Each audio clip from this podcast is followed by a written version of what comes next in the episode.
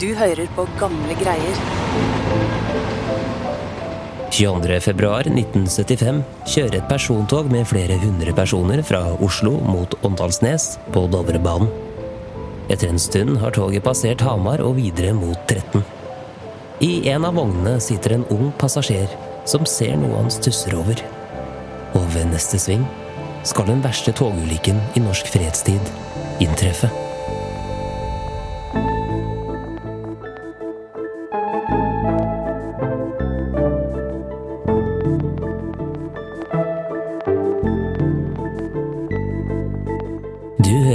Gamle greier, en historiepodkast fra Nasjonalbiblioteket.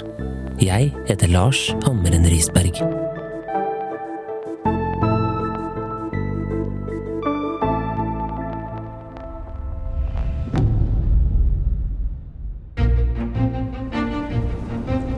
Denne dagen, 22.2, starter ganske så bra. Det er første dag i vinterferien, og lufta er kald og frisk på Østlandet. Chris Nyborg, lokalhistoriker på Nasjonalbiblioteket. Og det røde persontoget 351 fra NSB farer opp skinnegangene i retning Trondheim. Og inne i toget er det fullt av folk i feriemodus. Barn med nyklippa bollesveiser iført strikkeplagg i brune og oransje toner. Foreldre som leser avisa med store firkanta briller på nesa. Og ute i gangen så er det tett i tett med Matshus treski.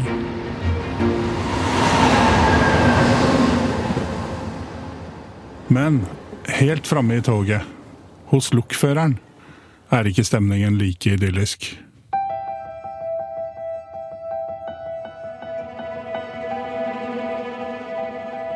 For toget er forsinka, og det ligger bak kjøreplanen, så togføreren han kjører på med maksfart for å ta igjen det toget ligger bak.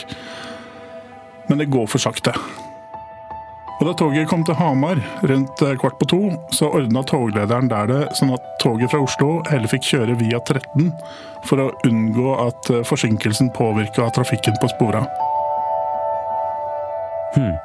Så da så jo alt ut til å ordne seg eh, likevel. Ja, det skulle man kanskje tro.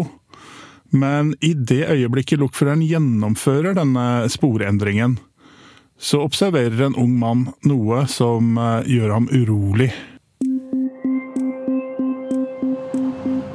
I en av togvognene sitter en passasjer, en ung mann, og titter ut av vinduet for å få tida til å gå. Og idet toget kjører vekk fra 13 stasjon, så legger han merke til at toget kjører på rødt lys. Og siden denne passasjeren har et eh, sikkerhetskurs fra jernbaneskolen, så begynner han jo å lure på hva er det som foregår. Og et eh, øyeblikk der så vurderer han faktisk å trekke i nødbremsen. Og mens han sitter og vurderer det her, så ser han hvordan toget kjører raskere og raskere og raskere. Til slutt eh, slår han seg til ro med at eh, togføreren må ha fått beskjed om at det er greit å kjøre på rødt, så han eh, dropper ideen om å trykke på nødbremsen. For han hadde nemlig lært på sikkerhetskurset at det kan være greit å kjøre på rødt, hvis man får beskjed om det fra stasjonspersonalet. Men problemet er at lokføreren der framme ikke har fått noen slik beskjed. Og toget dundrer videre nordover, og snart ser han noe som gjør at pulsen hans fyker i været.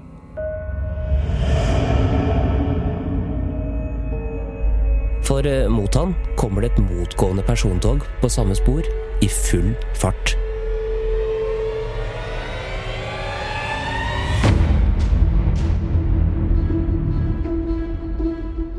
Togføreren nøler ikke et sekund. Han trykker ned bremsen alt han klarer. Og samtidig så hører han at togføreren på det andre toget bremser.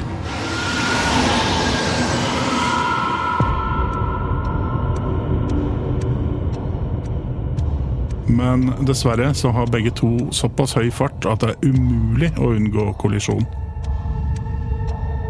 Og for å berge livet kaster begge togførerne seg ut av toget, lander i snøen, og mens de ligger der, da ser de at katastrofen inntreffer. To tog krasjer i hverandre.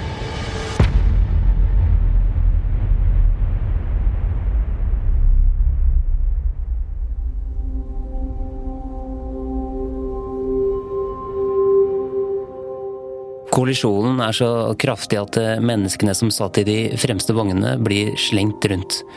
Den ene vognen, senere kjent som vogn nummer 16, på Oslo-toget, er helt ødelagt. I kollisjonen ble kupévognen brøytet i filler da det motgående toget kjørte ned den som en bulldoser. Og rundt i området er rester fra toget kastet rundt. Flere kofferter og klær ligger spredt utover i snøen.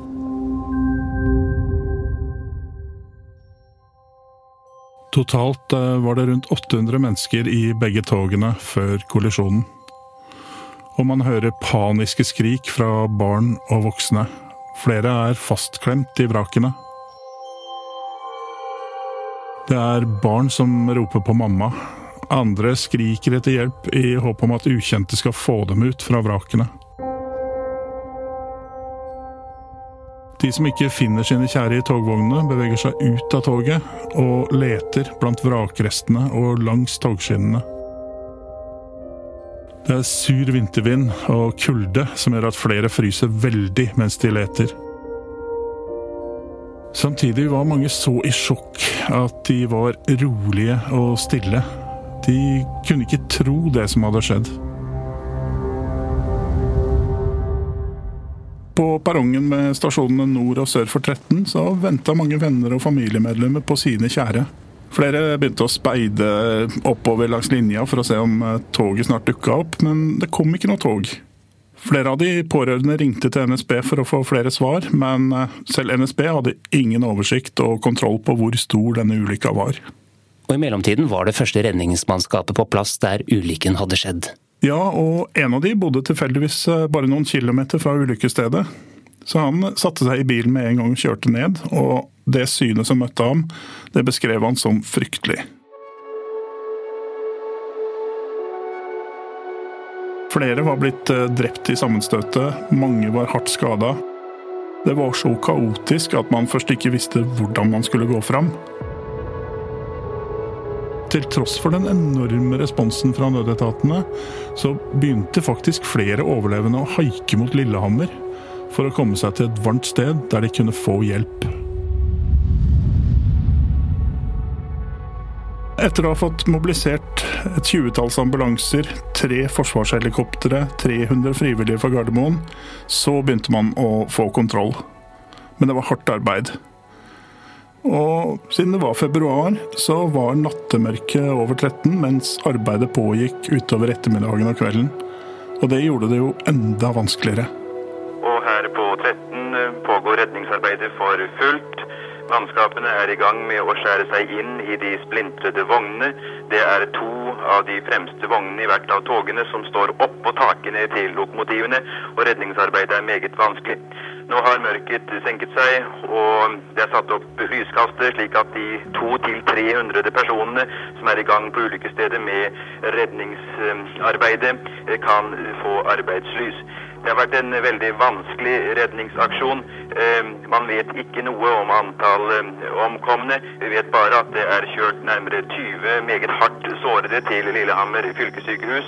Her har seks til åtte ambulanser gått i skytetrafikk, og alle hjelpekorps sanitetskorps fra Hamar i syd til Otta i nord har vært med. Du kan jo selv se for deg hvor grusomt det må ha vært å være fastklemt i flere timer mens kulda biter og du rett og slett ikke aner om du vil klare deg.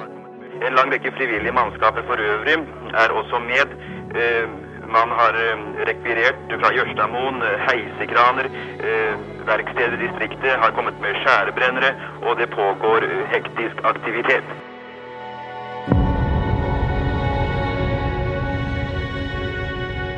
Men etter flere timer, da klokka hadde passert åtte på kvelden, så var den siste av de som var fastglemt, redda ut av vraket.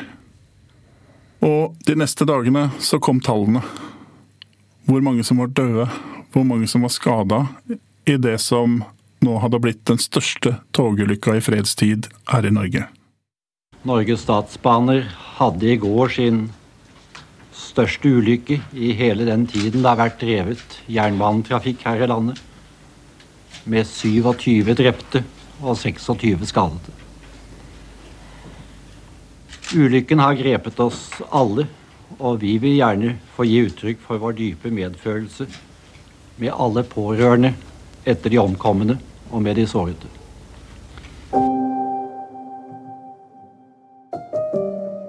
Chris, vi hører at eh, folk var jo i sjokk, og flere kunne sikkert ikke forstå hvordan dette kunne skje i Norge. Så hvordan kunne dette gå så galt?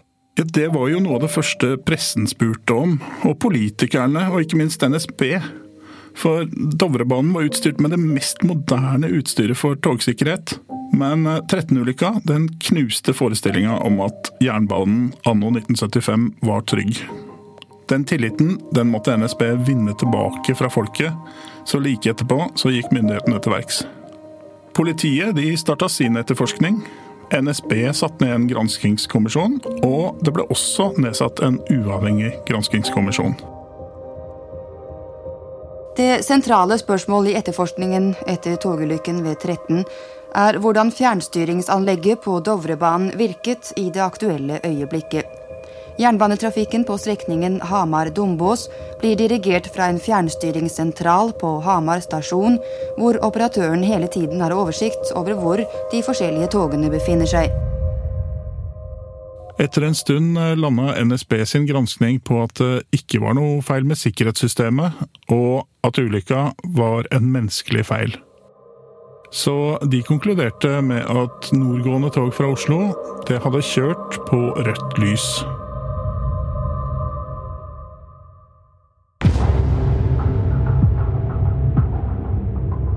Og Politiets etterforskning hadde samme konklusjon.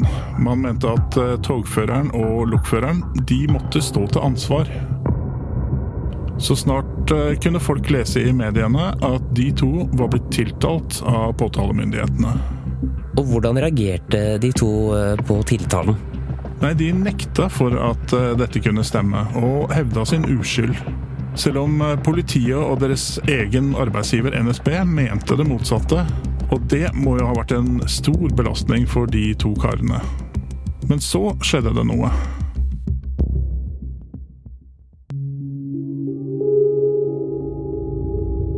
Det var nemlig en tredje granskning av ulykka, og den var uavhengig.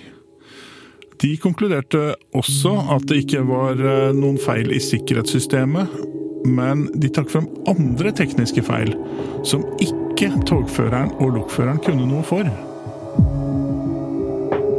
Og dermed falt saken eh, til påtalemyndighetene sammen.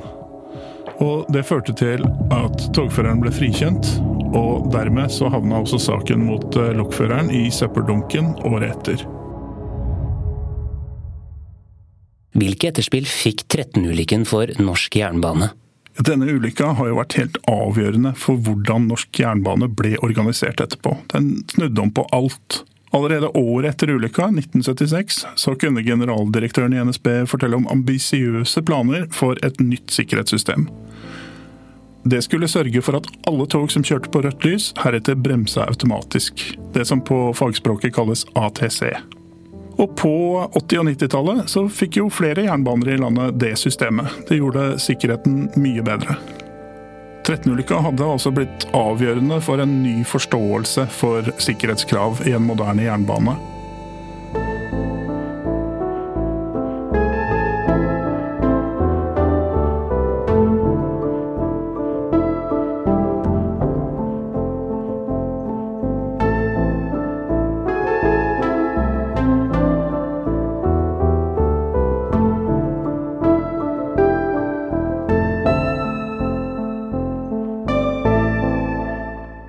Synes du det er spennende å høre krimhistorier fra virkeligheten? Da må du følge med nå. Gamle Greie-redaksjonen inviterer til live Gamle Greie-kveld her på Nasjonalbiblioteket. I løpet av kvelden vil du få høre om mestertyven Elias Tønnesen, som skapte avisoverskrifter og fikk rockestjernestatus pga. sine spektakulære rømninger. Vi får høre om bordellmammaen Abelona, og ikke minst historien bak forbryteralbumets aller tidligste portretter. Kjeltringene som måtte bøte med livet ved halshugging, etter å ha gjennomført et bondefangeri som ikke gikk helt etter planen. Arrangementet er et formidlingssamarbeid med Arkivverket, som siden 2016 har arbeidet med å digitalisere og tilgjengeliggjøre Forbryterarkivet og dets historier for allmennheten. Mange av forbryterportrettene kan dessuten ses i utstillingen Labyrint på sporet av Harry Hole. Vi setter opp omvisninger i utstillingen både før og etter arrangementet. Mer informasjon om arrangementet og hvordan du kan melde deg på, finner du på nb.no. Denne episoden ble laget av Chris Nyborg, Ragna Nordenborg og meg, Lars Hamren Risberg. Den viktigste kilden til historien er fra boken Norske ulykker og katastrofar av Gaute Losnegård. Vi har også brukt avisarkivet og lydarkivet fra samlingen vår og lokalhistoriewiki.no, som drives av Lokalhistorisk institutt ved Nasjonalbiblioteket. Mitt navn er Lars Hammeren Risberg. På gjenhør.